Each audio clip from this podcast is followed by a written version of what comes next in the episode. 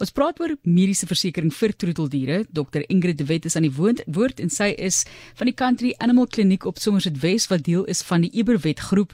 Dokter De Wet, baie welkom en sommer van die begin af wil ek vra, wat was die ek weet eers of jy weet nie. Wat doen jy met die wat het jy met rekeninge te doen nie, maar wat is die grootste rekening wat jy van weet vir 'n troeteldier omdat die persoon, jy weet in die persoon het nie mediese versekerings gehad nie, want dit kan nogal erg raak. En dit kan en, en veral as 'n mens spesialiste in MRI's en daai tipe goeders ehm um, moet kry. So ek sal sê vir 'n hond of 'n kat tot en met 40 tot 60.000 ehm 60000 rand daar rond. So dit kan nogal hoog raak vir meer gespesialiseerde goederes. En mense betaal dit want hulle is lief vir daai troeteldier of is dit dan 'n geval waar hulle sê luister, dit is te veel geld, ongelukkig. Jammer om dit so te stel, gaan ons nie voort nie. So sommige kere moet ons diere uitsit omdat die finansies net nie daar is nie, wat ons verstaan as veeartse maar dit is altyd baie hartseer om 'n dier uit te sit of behandeling te weerhou as 'n mens nie finansiëel dit kan dek nie. Ehm um, en dit is hoekom mediese versekerings so verskriklik belangrik is. Dit is 'n uh, dalk iets wat voorhand liggend kan wees, maar mense weet baie keer nie. Wat is mediese versekerings dan vir 'n troeteldier? So dit is basies korttermynversekering, ehm um, wat jy dan uitneem op jou dier se gesondheid. Uh so 'n bietjie anders as 'n mediese fonds vir mense, maar meer soos jou huis of kar versekering eintlik. Ehm um, en daar's verskriklik baie maatskappye wat dit nou aanbied met verskriklik baie produkte ook daar buite. So dit is baie baie belangrik om die regte vrae te weet om die regte polis uit te neem sodat jy nou nie nog steeds 'n groot verrassing kry aan die einde van die dag nie. Ja, sê vir ons hoe jy voel oor mediese versekerings vir troeteldiere want 'n mens kyk ja na die kostes. So daar's algemene kostes wat hierby ook betrek kan word soos inentings ensovoorts. Ja, so daar's rutine kostes van elke dag se goedes. As jy kyk na die eerste jaar en dan as hulle begin ouer raak, dan kry mens kroniese siektes en goedes soos artritis, hulle moet begin inkom vir hulle tande en dan styg daai kostes weer en dan praat ons nie eers van ongelukke en ander siektes en ehm um, 'n dag wat hulle braak en daai tipe goeder. So mense moet eintlik voorberei daar wees en plek in jou begroting hê vir daai kostes. So sommige sal net wat hulle noem accident. So dit is letterlik soos karongelukke of bytwonde en so. Dit is gewoonlik die goedkoopste opsie en dan gaan jy deur na die ander kant van die storie waar hulle alles dek, waar hulle rutine goeder dek, hulle dek soms ehm um, voorskrifkoste, kroniese medikasie en so. So mense moet eintlik baie mooi kyk na die verskille en seker maak jy, jy weet wat jy kry en wat se dekking jy kry aan die einde van die dag. Want ek het nou gevalle gehad waar mense net ongeluk versekerings gehad het en dan hoes die hond byvoorbeeld en dan wil hulle sê ek moet nou sê dit was 'n ongeluk maar ons, ons kan nie jok in bygeval. So maak seker jou dekking is wat jy dink dit gaan wees. Dit is baie belangrik. Ek wil net gou vinnig vra oor die oorerflike siektes. Hoe weet ek? So baie mense kry deesdae troeteldier wat hulle gered het. Hulle weet nie noodwendig dit is oorerflik nie of is die siekte van self jy aanvaar nie dit is wel 'n oorerflike siekte. So dit weer eens baie belangrik as jy nou bel om jou kwotasie te kry om te sê wat so ras hond jy het. Ehm um, en dan baie keer en dan die vraag vra wat se oor Afrika siektes dek jy en nie dek nie. So sommige ehm um, maatskappye byvoorbeeld 'n worshond sal nie rugprobleme dek nie, maar ander sal en dit verskil van maatskappy tot maatskappy. So baie belangrik as jy bel sê ek het nou 'n Rottweiler of 'n Labrador, is daar enige oor Afrika siektes wat jy nie dek nie? En dan kan jy ook met jou veearts gaan praat en hoor wat is die kanse van my hond om om daai tipe siektes te kry? Moet ek seker maak ek het dekking daarvoor of nie? Ehm um, want dit is ook ietsie waar mense vasgevang word en baie goed om bietjie rond te bel en 'n paar verskeie maatskappye te bel om die regte een te kry vir jou hond of kat um, en hulle ouderdom en daai tipe goeders.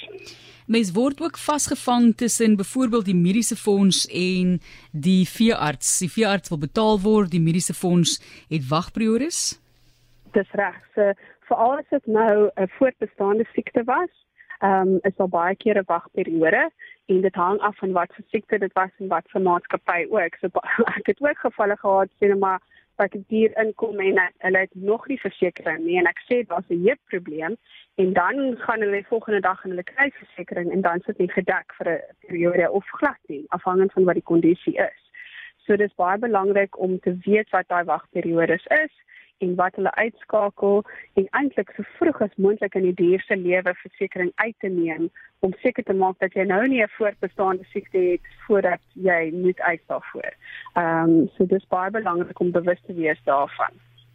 Ons weet hoe dier tande vir ons is mm. as mense, tande sorg, tandheelkundige sorg vir diere dit kan duur wees baie keer is mense geskok as hulle inkom en die groot rede daarvoor is dat ons die honde en katjies onder narkose moet sit. So daai se ekstra koste by. En dan as mense is ons redelik goed om ons tande te versorg en te borsel en so maar ons is nie altyd so goed met ons diere nie. So baie keer kom jy in vir skoonmaak, maar dan sal klomp tande wat ook getrek moet word. Ehm um, so ook daai is enetjie wat sommige dat uh, versekeringsmaatskappye sal dek en sommige nie.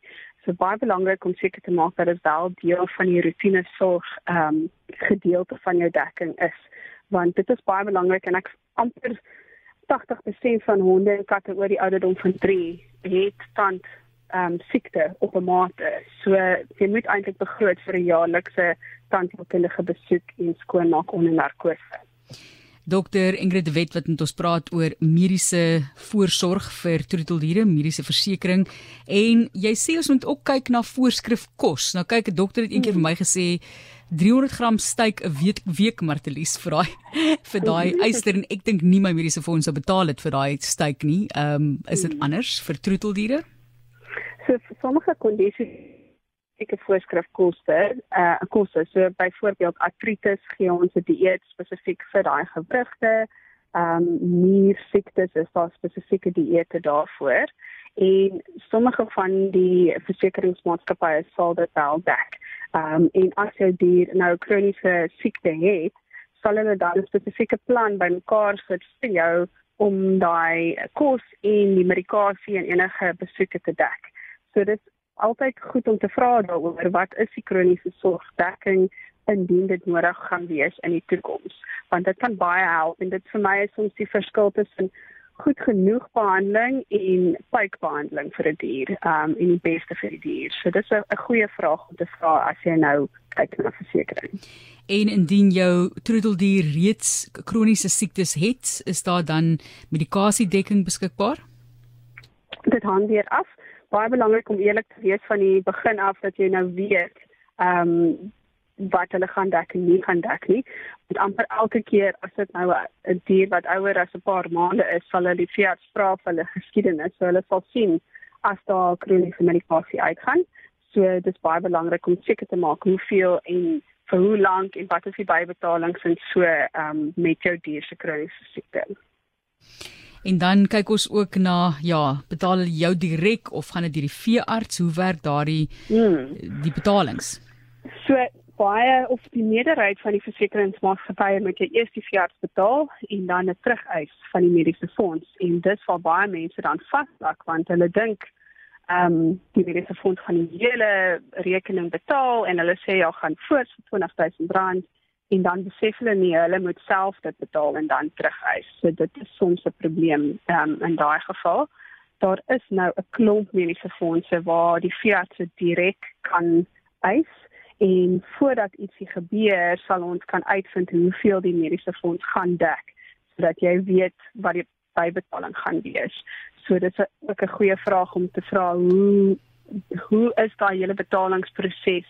Ehm um, want as jy dalk is moet betaal, moet jy seker maak jy het 'n kredietkaart of ietsie om daai eerste dek voordat jy die eis terugkry. Baie dankie ook vir die SMS'e wat deurkom en Nelmarie wat sê kan nie genoeg beklemtoon hoe belangrik dit is om mediese mediese versekerings vir jou troeteldier uit te neem nie. Dit gee jou die gemoedsrus om vers toe te gaan en nie te huiwer nie. My een hond het ek nog geen eis voor gehad nie. My ander twee het my al tot R25000 in 1 maand gekos waarvoor ek dan net die bybetaling moes maak. Ehm um, doen goeie navorsing sê Namarie en kyk spesifiek uit vir die fynskrif en die breed specific exclusions so sê dan af verwys. Ek sal nooit mm. weer nie versekerings hê nie. So kom ons kyk gou daarna ook die moenies. Elizaan van Zeres wat vra wat is die slaggate van diereversekering? Jy het nou aan 'n paar van hulle geraak, maar daar is 'n lys van moenies ook. Ja, absoluut. So maak seker jy vergelyk appels met appels. Ehm um, en as jy nou vergelyk tussen maatskappye, ek sal ten minste 3 kwotasies kry en dan maak seker die dekking van wat se dekking dit is. Ehm um, moenie net die goedkoopste opsie neem sonder om te kyk wat ingesluit en uitgesluit is want jy gaan dalk baie teleurgesteld wees. En dan ehm um, soos ek voorheen genoem het moenie te lank wag nie. Kry dit so gou as moontlik uh, voordat jy nou 'n siekte of ietsie optel en laastens moenie oneerlik wees ehm um, baie mense sal vasgevang daarmee en dit kan dan ehm um, gevolgtrekking hê op jou diere in die toekoms. So wees maar eerlik van die begin af as die een maatskappy jou nie gaan dek nie, sal heel waarskynlik 'n ander een wat hulle wat jou wel gaan dek. So moenie dan ophou om rond te bel om 'n goeie kwotasie vir jou dier en hulle spesifieke siektes te kry nie. Jy het vir ons ook 'n wenk. Hmm. So dis wat baie mense nie besef nie op hulle korttermynversekerings, soos hulle huisversekering, is al baie keer 'n bietjie dekking vir ongelukke vir hulle diere. Dit is gewoonlik nie verskriklik baie nie, maar dit help as jou dier nou raak gery was of gebyt was of as al 'n derde party insident was sien nou maar jou hond het iemand anders gebyt of so. Ehm um, so gaan gou huis toe en gaan lees in jou dekking. Baie keer is daar 'n bietjie daarso wat 'n mens kan gebruik in 'n noodgeval. Dit is nou nie so goed soos mediese versekerings, maar dit is dalk 'n bietjie wat kan help.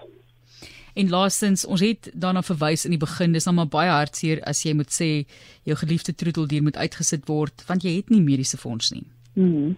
Absoluut. Ek dis vir my 'n moed vir elke diere eienaar om ten minste daarna te kyk, ehm um, of 'n groot deel van jou begroting moet daarna te gaan, maar dit help verskriklik baie soos daai persoon wat gesê dit gebeur altyd in een maand en dit kan jou help om nie hartseer besluite te, te neem nie.